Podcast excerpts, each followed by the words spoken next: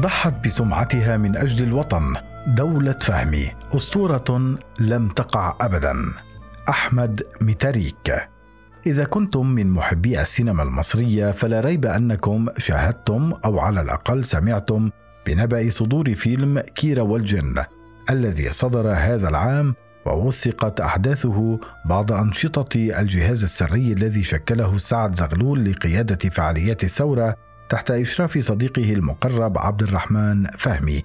خلال حديث صناعه عن أبطال الجهاز تعرض الفيلم وكذلك الكثير من كتب التاريخ إلى العديد من الشخصيات التي لعبت دورا كبيرا في النضال الوطني مثل أحمد كيرا وأحمد ماهر ومحمود فهمي النقراشي فيما استأثرت دولة فهمي بالمجد الأنثوي وحدها بسبب قصة استشهادها الدرامية التي جعلتها أيقونة ثورية لا تزال الصحف والأعمال الدرامية تتغنى بها حتى الآن. ماذا فعلت دولة فهمي؟ باختصار شديد في عام 1920 حاول الناشط السياسي المصري عبد القادر شحاتة إلقاء قنبلة على وزير الأشغال محمد شفيق باشا بسبب موافقته على التعامل مع الإنجليز. والانخراط في الوزارة برغم أوامر سعد زغلول والوفد من خلفه بالامتناع التام عن التعاون مع المحتلين أو تشكيل وزارات في ظل سيطرتهم على البلاد. قبض على شحاتة وخضع لتحقيق قاس من قبل السلطة العسكرية البريطانية ولم يهون عليه التنكيل الإنجليزي إلا رسالة وصلته سرا من رفاقه في الجهاز السري تخبره بأن امرأة تدعى دولة تعمل ناظرة لمدرسة فتيات ستدلي بشهادة لصالحه في المحكمة. وبالفعل صبيحة اليوم التالي اعترفت دولة أمام الجهات القضائية بأن شحات عشيقها وأنه كان يبيت في منزلها. بحسب الأحداث المنشورة فإن هذه الشهادة دفعت أهل دولة فهم إلى قتلها لاحقا ثأرا لشرفهم الذي دنسته ابنتهم بعدما اعترفت علنا أنها على علاقة غير مشروعة برجل سمحت له بالإقامة في منزلها دون زواج. هنا تنتهي القصة وتصبح دولة فهمي أسطورة لامرأة مصرية ضحت بسمعتها وحياتها من أجل وطنها ومن أجل الحفاظ على التنظيم السري ورجاله. قصتان لدولة فهمي تحدث مصطفى أمين عن شخصية دولة فهمي كثيرا حتى أنه كتب عنها سهرة تلفزيونية ذات يوم حملت اسم دولة فهمي التي لا يعرفها أحد. تقع شهاداته الرئيسيتين في مؤلفيه الكتاب الممنوع نشر كاملا عام 1991 ومسائل شخصية نشر عام 1982 ومن خلال المقارنة بين كلتا القصتين وقع أمين في عدد من الأخطاء التي يستحيل التوفيق بينها. أستعرضها في هذا الجدول حتى تكون الصورة أمامنا أكثر وضوحا. الكتاب الممنوع. واحد عبد القادر محمد شحاتة الطالب في المدرسة الإلهامية. مسائل شخصية. واحد عبد القادر محمد شحاتة الطالب بالمدرسة الألمانية. الخطأ؟ اسم المدرسة. اثنان ألقى عبد القادر بملابسه والمسدس في خرابة وبعدها اختبأ في مدرسة قبطية حيث حاصره البوليس وكان معه مسدس ثان فأخذته منه ناظرة المدرسة وأخفته ثم اقتحم رجال البوليس المدرسة وقبضوا عليه داخلها. اثنان اعتقد عبد القادر أنه قتل الوزير وأسرع في طريق النجاة المرسوم في الخطة ووصل إلى خرابة فرم فيها المسدس وإذا بالبوليس يتتبعه فقبض عليه واودعوه في السجن. اثنان صنع دور بطولي آخر لناظرة قبطية لم يغير مسار الأحداث ولم يذكره أمين في روايته الثانية للقصة. ثلاثة بالفعل بت ليلة التاسع عشر من فبراير سنة 1920 في منزل حسني الشنتناوي عضو الجهاز السري.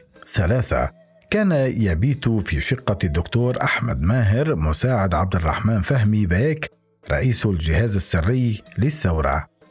ثلاثة مقر المبيت. أربعة جاءت السيارة الوجيهة وقدم لي السائق القنبلة في علبة ورق كبيرة. أربعة نزل السائق يحمل سبتا مزركا ومشى إلى عبد القادر ووضعه على الدكة بجواره. أربعة طريقة تسليم القنبلة فما سر وقوع أمين في هذه الأخطاء إذن؟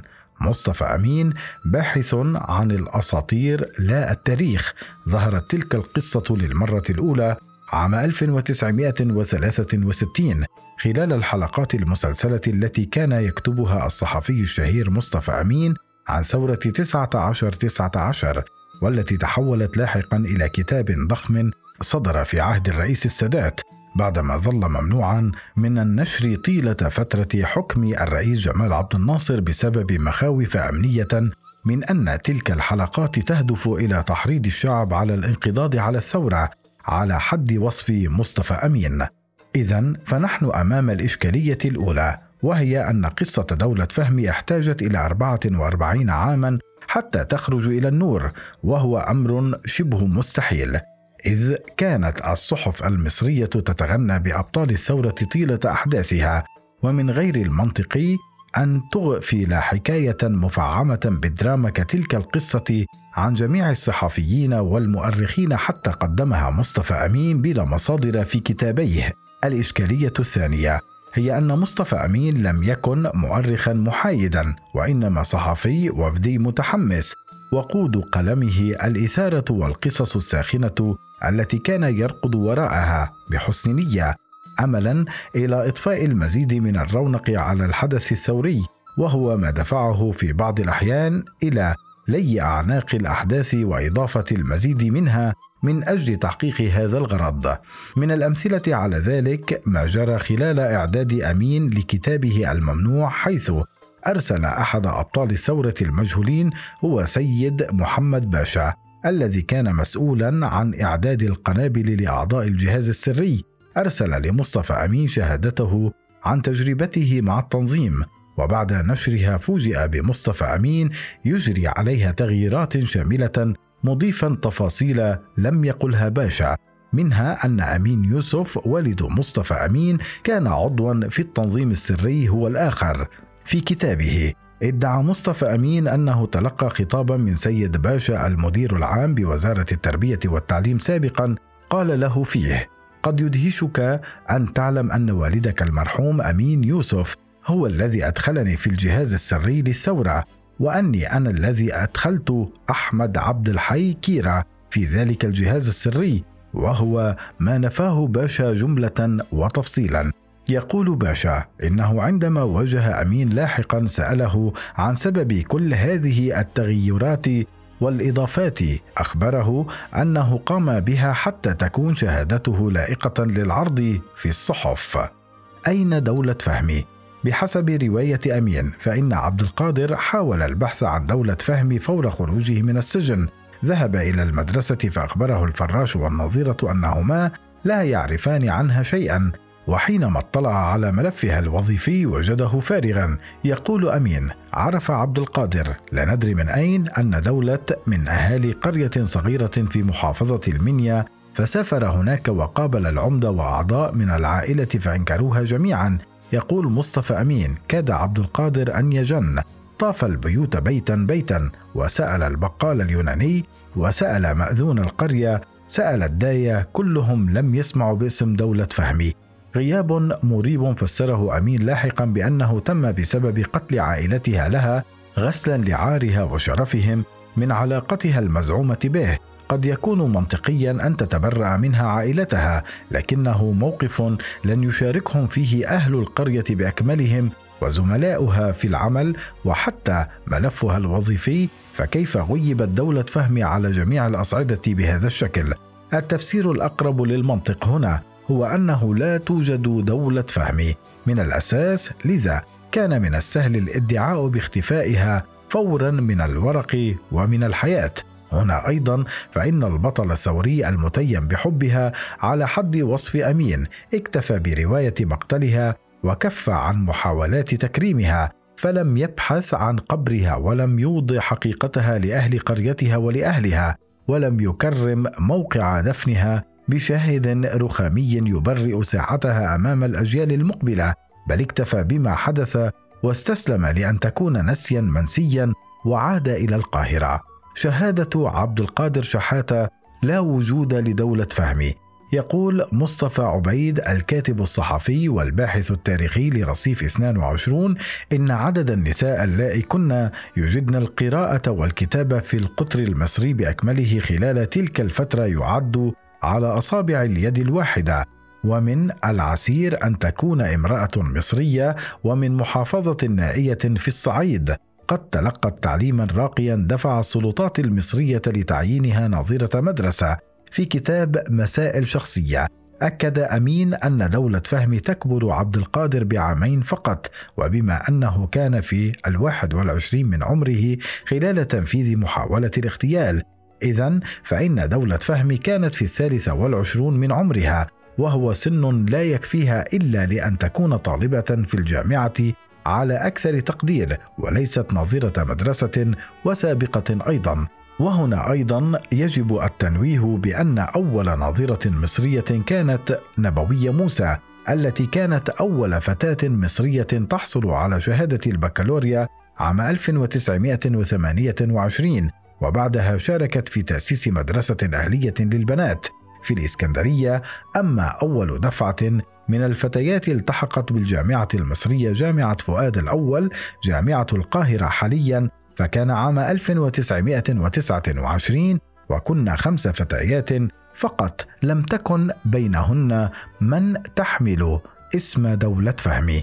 ويضيف عبيد شهادة دولة نفسها كانت بلا قيمة في القضية. ولم تنقذ حياة عبد القادر شحاتة ولم تغير مسار الأحداث فلقد قبض عليه متلبسا ونال حكما بالإعدام خفف بعدها إلى السجن وظل فيه حتى أفرج عنه سعد زغلول عقب توليه الوزارة عام 1924 كما أن اسم دولة لم يكن شائعا في محافظات الصعيد خلال ذلك الوقت. وإنما هو ذو أصول تركية لا تستعمله عادة إلا أسر المدن الرئيسية كالقاهرة. وفي كتابه موسوعة تراث مصري ينقل أيمن عثمان شهادة إبراهيم طلعت أحد قادة الوفد بالإسكندرية. بأن اسم فتاة المنيا كان من وحي خيال مصطفى أمين وأن اسمها الحقيقي هو مريم. يكمل عبيد أن ما يؤكد صحة وجهة نظره بأن شخصية دولة فهمي غير حقيقية هو شهادة عبد القادر شحاتة نفسه الذي أدلى للصحف بأحاديث عن دوره في الجهاز السري وعن واقعة إلقاء القنبلة وعن إلقاء القبض عليه ثم محاكمته دون أن يتطرق من قريب أو من بعيد. لدور لأي امرأة في قصته سواء كانت دولة فهمي أو غيرها.